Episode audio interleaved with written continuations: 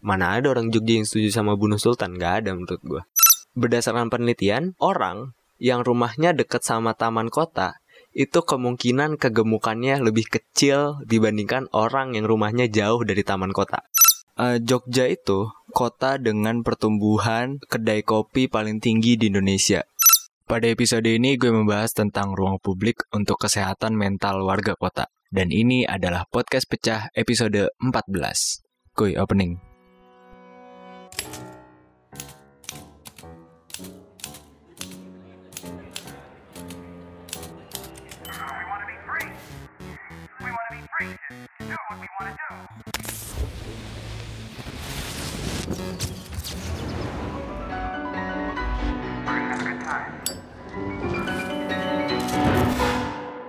You're listening to Podcast Pecah.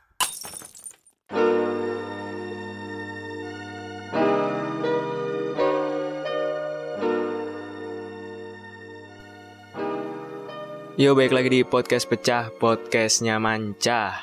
Gimana puasanya? Yoi nggak? Yoi dong pasti. Karena ya bentar lagi lah lebarannya. Apaan coba? uh, masih lama ya udahlah nikmatin aja uh, selamat berpuasa buat yang menjalankan ibadah puasa dan selamat datang buat yang baru mendengarkan podcast ini perkenalkan saya adalah Manca host dari podcast pecah oke tanpa berlama-lama langsung aja nah jadi di podcast ini bahasannya tuh dari email nih cuy. Yoi. Kebetulan ada yang email ada dua orang. Uh, jadi ya gue bahas aja di satu episode ini. Uh, biar gue juga nggak begitu mikir-mikir banget. Nggak ada yang bercanda. Kalian email juga dong. Masa kalah? Cie gitu. Gue kesal tuh sama orang-orang kayak gitu yang selalu apa ya membanding-bandingkan kayak kok lu kalah sama dia? Kok lu kalah sama dia? Ya emang hidup harus selalu menang gitu. Hidup tuh ada menang ada kalah gak sih? Ya udah bukan masalah menang atau kalah. Bagaimana berusaha untuk selalu menang itu gak sih? Toh yang berusaha menang aja bisa kalah apalagi yang gak berusaha. Kampret loh cek gitu oh ya saran gue kalau misalnya bulan puasa ya lo dengerin podcast gue tuh mending abis buka aja deh. Gue takut ada salah-salah kata apa gimana. Ntar lo jadi sebel gitu apa gimana nanti kan gue yang gak enak gitu. Puasa kalian yang ternodai. Mending saran gue tuh uh, ini aja lah abis buka dengerinnya gitu Oke langsung aja lah. Uh, ini email pertama uh, karena dia nggak bilang perlu dibilang namanya atau enggak, uh, jadi langsung aja. Isi emailnya adalah, Bang, uh, mau request bahasan podcast menurut lo dong.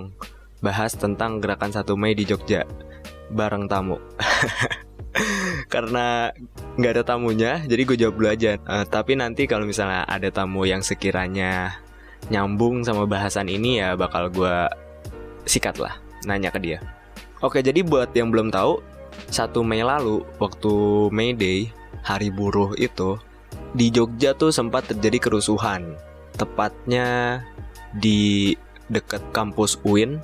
Nah, kerusuhannya itu cukup chaos sih, bisa dibilang karena sampai ngancurin uh, pos polisi, dibakar pos polisinya dan yang lebih gila dalam tanda kutip adalah ada tulisan-tulisan uh, uh, bunuh sultan gitu. Yang gue tangkap dari gerakan itu adalah mm, dia tuh menyuarakan tentang uh, keadilan terhadap pembangunan bandara di Kulon Progo. Jadi kan Jogja lagi ngebangun bandara baru karena bandara yang lama yang ada Sucipto dianggap udah nggak cukup gitu loh kapasitasnya. Makanya bangun bandara baru namanya Nia Nu Yogyakarta International Airport. Nah itu adanya di Kulon Progo. Nah itu jadi masalah karena banyak orang-orang yang digusur buat pembangunan itu. Meanwhile sebenarnya mereka punya surat tanah atas tanah tempat tinggalnya dan uh, konflik terkait uh, tanah itu dianggap tanahnya sultan. Kalau di Jogja tuh ada tanah sultan ada tanah pakualaman jadi ya karena itu dianggapnya tanah sultan dan jadi ya udah kayak gitu ya. Pokoknya masalah itulah intinya. Uh, bahas tentang gerakan yang itu menurut gua tuh uh, gimana ya? Ya sebenarnya nggak apa-apa sih menurut gua menyuarakan hal itu. Itu adalah hak hak hak mereka gitu. Maksud gua kayak uh, kalau orang bilang flat earth itu gila ya kenapa nggak dilihat dari sisi uh, itu adalah kebebasan pendapat gitu. Kalau oke okay, terserah lu lu menganggap itu gila emang buat mereka gila? Enggak flat earth ya konteksnya. Tapi itu membuktikan apa? Membuktikan bahwa ya kebebasan berpendapat itu ada gitu. Terlepas dari benar atau enggaknya uh, secara saintifik atau kayak gimana tapi the thing is ya itu tuh kebebasan berpendapat gitu. Lo nggak bisa menarik itu. Pun juga di Indonesia kebebasan berpendapat pun uh, diperbolehkan. Namun uh, kalau gue boleh mengkritisi kalau gerakannya uh, dalam tanda kutip ngasal ya uh, kayak gitu ngebakar pos polisi lah dan yang kayak tadi gue bilang bikin tulisan bunuh sultan yaitu cari mati sih kalau nggak salah. Menurut gue karena uh, ya gimana ya uh, kayaknya nggak gitu deh menurut gue sih. Ya itu tuh berlebihan aja sih kalau sampai segitunya uh, memang lo perlu perlu menyuarakan itu tapi kalau caranya kayak gitu ya yang ada lo juga nggak dapet simpati simpati dari yang masyarakat sih. Kan biasanya gerakan kayak gitu merepresentasikan masyarakat tapi ya kalau kayak gitu ya masyarakat juga nggak mau lah. Mana ada orang Jogja yang setuju sama bunuh Sultan? Nggak ada menurut gue tapi orang Jogja menurut gue banyak yang setuju terkait keadilan terhadap pembangunan si uh, New Jakarta Airport itu. Meskipun sebenarnya gue tahu gerakannya bakal kayak gitu, cik gitu. Nggak, maksudnya gini, uh, nggak nggak tahu-tahu juga sih. Jadi gue dari bulan apa ya, sekitar bulan Maret awal-awal gitu, gue udah dikasih tahu tuh, gue ada kenalan. Uh, dia udah bilang kayak emang uh, pada satu Mei nanti tuh tuh mau digedein uh, gerakannya. Bahkan uh, malamnya satu Mei dini hari gitu, gue di line tuh sama si orang itu eh di WhatsApp ding buat ikutan. Uh, dia lagi preparation gitu lah tapi ya gue bilang eh sorry gue nggak ikut. Uh, gue kurang dapet uh, value nya cik gitu tai lah. Ya gue cuman bilang good luck aja. Jadi yang menurut gue kayak gitu sih cuy. Uh, kalau memang gerakan ini untuk masyarakat ya bagaimana menggerakkannya juga dengan cara-cara yang disetujui oleh masyarakat. Gitu. Nice Thank you emailnya. Yang lain jangan lupa email. Tetep aja nyuruh-nyuruh nih anak. Oke. Langsung aja ke email selanjutnya. Email terakhir. Cuman ada dua nih email ya udah nggak apa-apa lah ya daripada nggak ada yang email sama sekali bersyukur aja nih rezeki orang puasa kali ini ada yang email nih ada dua orang Nah yang selanjutnya nih dari namanya Fitria Nah kalau yang ini dia emang menyebutkan namanya Jadi uh, dia juga setuju untuk disebutkan dia adalah mahasiswa semester 4 jurusan ilmu kesejahteraan sosial di Universitas Jember. Universitas Jember itu kalau disingkat bukan Unjem, tapi UNEJ. Karena gue punya teman di sana, dia FK di UNEJ. Halo Fitri ya, apa kabar kamu? Kamu puasa nggak Fitri ya? Tailah, oke. Okay. Jadi pertanyaannya, ini panjang banget sih emailnya. Uh, intinya dia mau nanya tentang uh, bagaimana uh, kaitan tentang kesehatan jiwa warga kota terhadap ruang publik di kota itu? Itu pertanyaannya. Nah, kalau misalnya ngomongin tentang uh, ruang publik, itu tuh sebenarnya uh, sangat dekat kaitannya sama kesehatan jiwa warga kotanya itu memang sangat dekat, sangat banyak korelasinya. Jadi ruang publik itu emang fungsinya nggak cuman sebagai apa ya, nggak cuman sebagai tempat berkumpul atau uh, resapan air gitu kalau secara lingkungan atau untuk mikroekologi kota tapi juga banyak kaitannya sama kesehatan gitu uh, kalau berdasarkan yang gue baca since gue belajar tentang ruang publik dan bagaimana membuat ruang publik itu efektif, efisien dan sesuai dengan uh, tujuannya mendesain ruang publik yang kayak gitu maksudnya. Nah, uh, kalau misalnya ke kesehatan tuh berdasarkan penelitian, orang yang rumahnya dekat sama taman kota itu kemungkinan kegemukannya lebih kecil dibandingkan orang yang rumahnya jauh dari taman kota. Itu penelitian, men. Secara saintifik itu udah terbukti gitu. Kayak, men, kegemukan aja bisa berpengaruh gitu dari adanya si ruang publik gitu. Apalagi terkait uh, kesehatan jiwa gitu. Uh, ya kayak kita tahu gitu ruang publik kan emang tempat berkumpulnya warga kota gitu itu kan fungsinya gitu. Jadi ruang uh, warga kota bisa kumpul di sana uh, rekreasi gratisan tanpa ngeluarin duit apa-apa. Gue punya saudara ya dia nikah muda gitu. Gue dulu kalau pergi sama dia kita selalu nyari tempat yang colokannya gampang.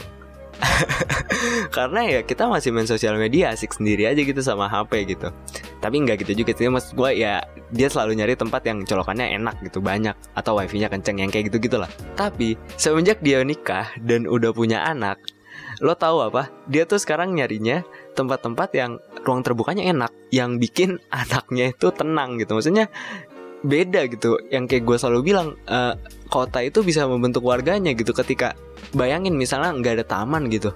Nah terus si saudara gue ini nggak bisa menemukan taman. Otomatis anaknya stres nangis mulu. Anak nangis pasti emaknya juga bete ya sih? Ya kan? Nah kayak gitu. Bete ntar bete merembet ke suaminya. Suaminya bete terus apa kayak gimana? Itu men sesederhana itu. Uh, siklusnya tuh bisa bisa sebesar itu men. Uh, bola saljunya. Makanya penting buat uh, suatu kota tuh mempunyai uh, apa namanya ruang publik gitu. Nggak cuma tentang lingkungan lagi-lagi nggak cuma tentang lingkungan. Lebih daripada itu ruang publik itu sangat berguna buat kesehatan warganya gitu. Belum lagi ada penelitian yang bilang kalau misalnya tanaman-tanaman yang ditanam itu beberapa jenis tanaman itu bisa mem, bisa menurunkan kanker di kota itu. Maksudnya uh, apa sih uh, resiko kanker di kota itu akan menurun dengan adanya tanaman-tanaman tersebut gitu. Terus belum lagi identitas. Nah, ini yang orang kadang lupa. Sebenarnya banyak tempat-tempat uh, ruang publik maksudnya yang menjadi identitas dari kota itu. Kayak misalnya ke New York deh gitu. New York terkenal banget sama tamannya itu apa uh, Central Park dan itu menjadi identitas mereka. Bahkan banyak orang yang dari luar negeri datang cuman buat menikmati si Central Parknya itu. Itu banyak banget men itulah menjadi identitas dari kota itu terlepas dari uh, landmark-landmark yang lain ya. Tapi itu pun menjadi bagian dari identitas kota itu. Dan gokilnya men kalau misalnya ngomongin Central Park ini kalau misalnya divaluasi secara ekonomi Central Park itu sekarang harganya 40 triliun dolar Amerika. Men 40 triliun dolar Amerika. Lu jadiin rupiah itu lu bisa beli power bank buat sampai hari kiamat kali ya kan kayak men itu cuman nggak cuma juga sih emang gede sih Central Park. Tapi maksud gue dengan adanya itu itu valuasinya segede itu.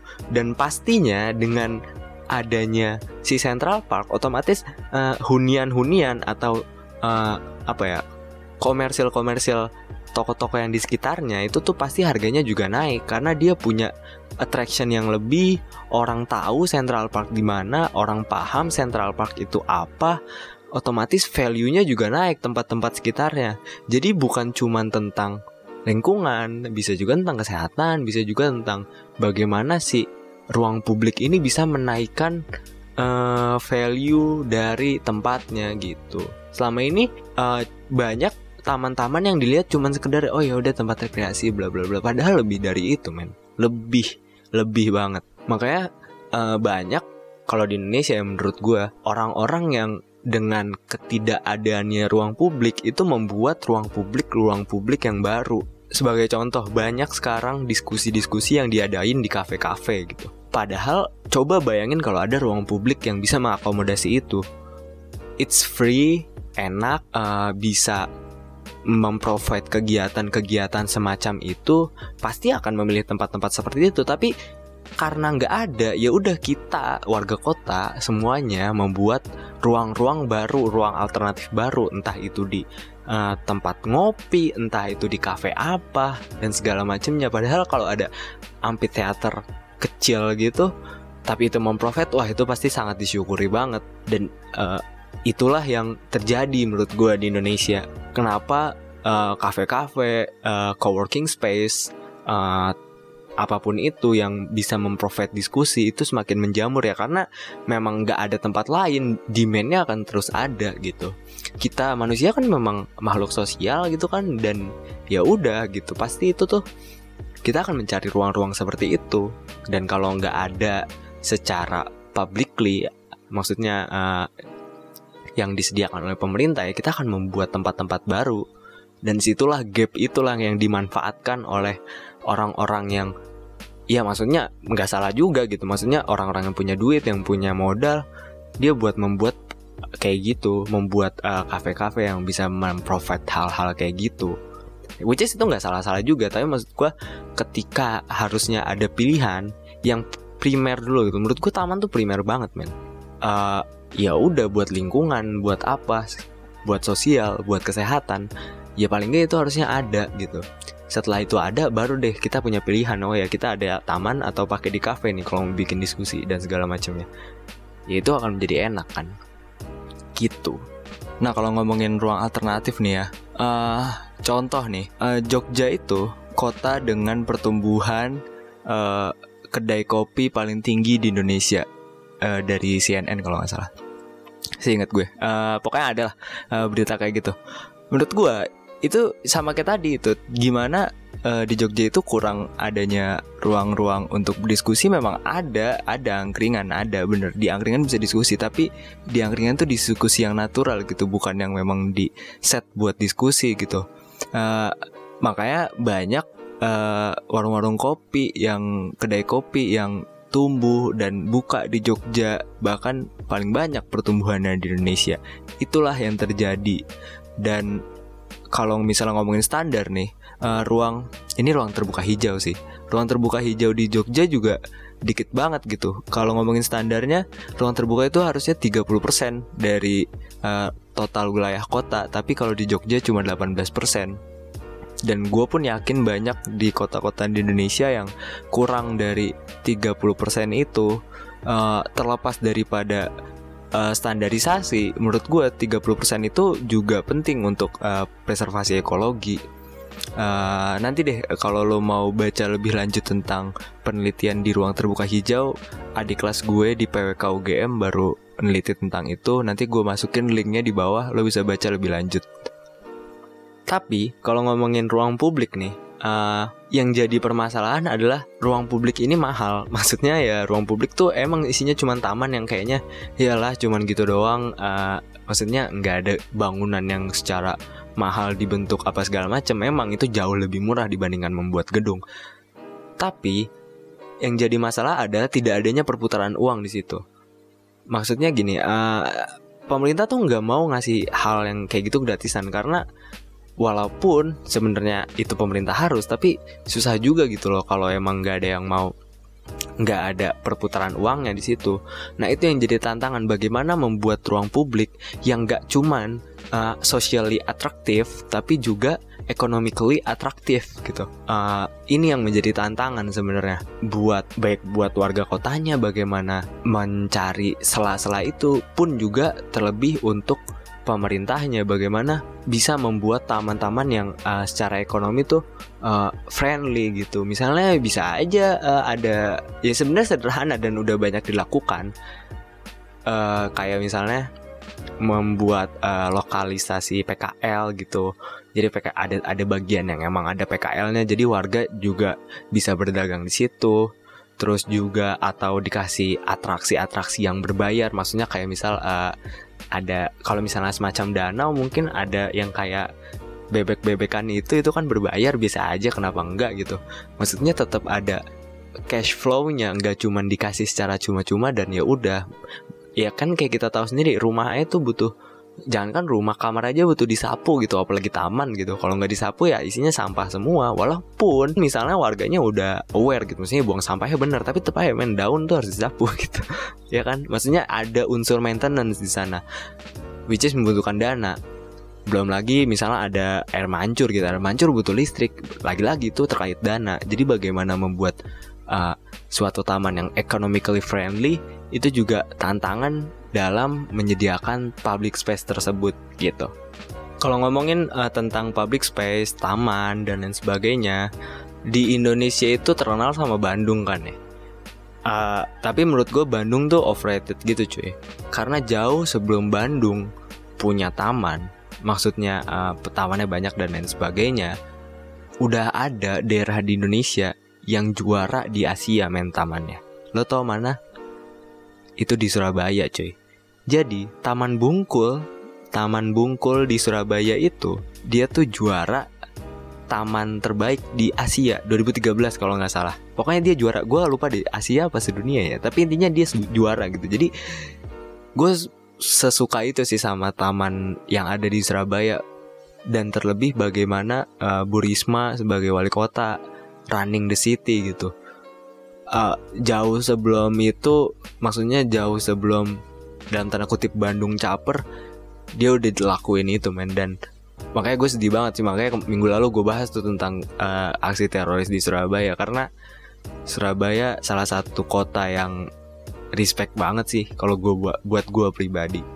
Tamannya enak terus juga ruang ruang-ruang kotanya ada kulturnya hidup masyarakatnya gokil secara sosialnya uh, tim basketnya keren uh, tim bolanya juga keren. Wah salut sama Surabaya salut. Walaupun kalau misalnya di uh, penelitian tahun 2017 uh, kota yang paling layak huni di Indonesia tuh bukan Surabaya uh, 2017 sih. 2017 itu kota layak paling layak huni di Indonesia itu Solo. Solo uh, terus mana lagi ya? Uh, Palembang pokoknya kayak Surabaya Jogja Jakarta itu nggak masuk ke top 5 Uh, tapi kan ya itu penelitian mungkin ada indikator-indikator uh, yang lain tapi secara umum uh, gue tetap respect Surabaya. Nah itu tadi tentang taman. Sebagaimana pertanyaan dari Fitria Anak ilmu kesejahteraan sosial di Universitas Jember. Sebenarnya selain nanya itu dia juga nanya uh, Gini nih Oh iya mungkin Kak Manca bisa sharing tentang cara belajar Bla bla bla bla bla bla bla Oke, uh, kalau ngomongin tentang cara belajar gue, gue sih kalau belajar tuh jarang baca buku ya. Gue jujur-jujuran aja. Karena gue pernah bilang ini ke Om Rane. Menurut gue buku itu uh, lautan gitu. Buku itu lautan yang luas banget, seluas itu. Buku tuh sel seluas itu. Meanwhile, gue nih orangnya nggak bisa fokus yang lama banget gitu loh. Sumpah gue gak bisa fokus yang lama. Gue selalu amazing sama orang-orang yang bisa fokus lama gitu. Gue punya temen yang kayak dia bisa kerja fokus 12 jam gitu. Bener-bener dia duduk dan mengerjakan itu. Berhenti cuman ke toilet makan atau ngambil minum atau sholat atau apa. Gue gak bisa tuh kayak gitu. Gue fokusnya tuh bentar banget. Nah begitu juga ketika gue membaca buku That's why gue selalu mencari buku dan selalu mencari kecil-kecilnya. Maksudnya gini, uh, kalau kata teman gue ada buku bagus tentang apa?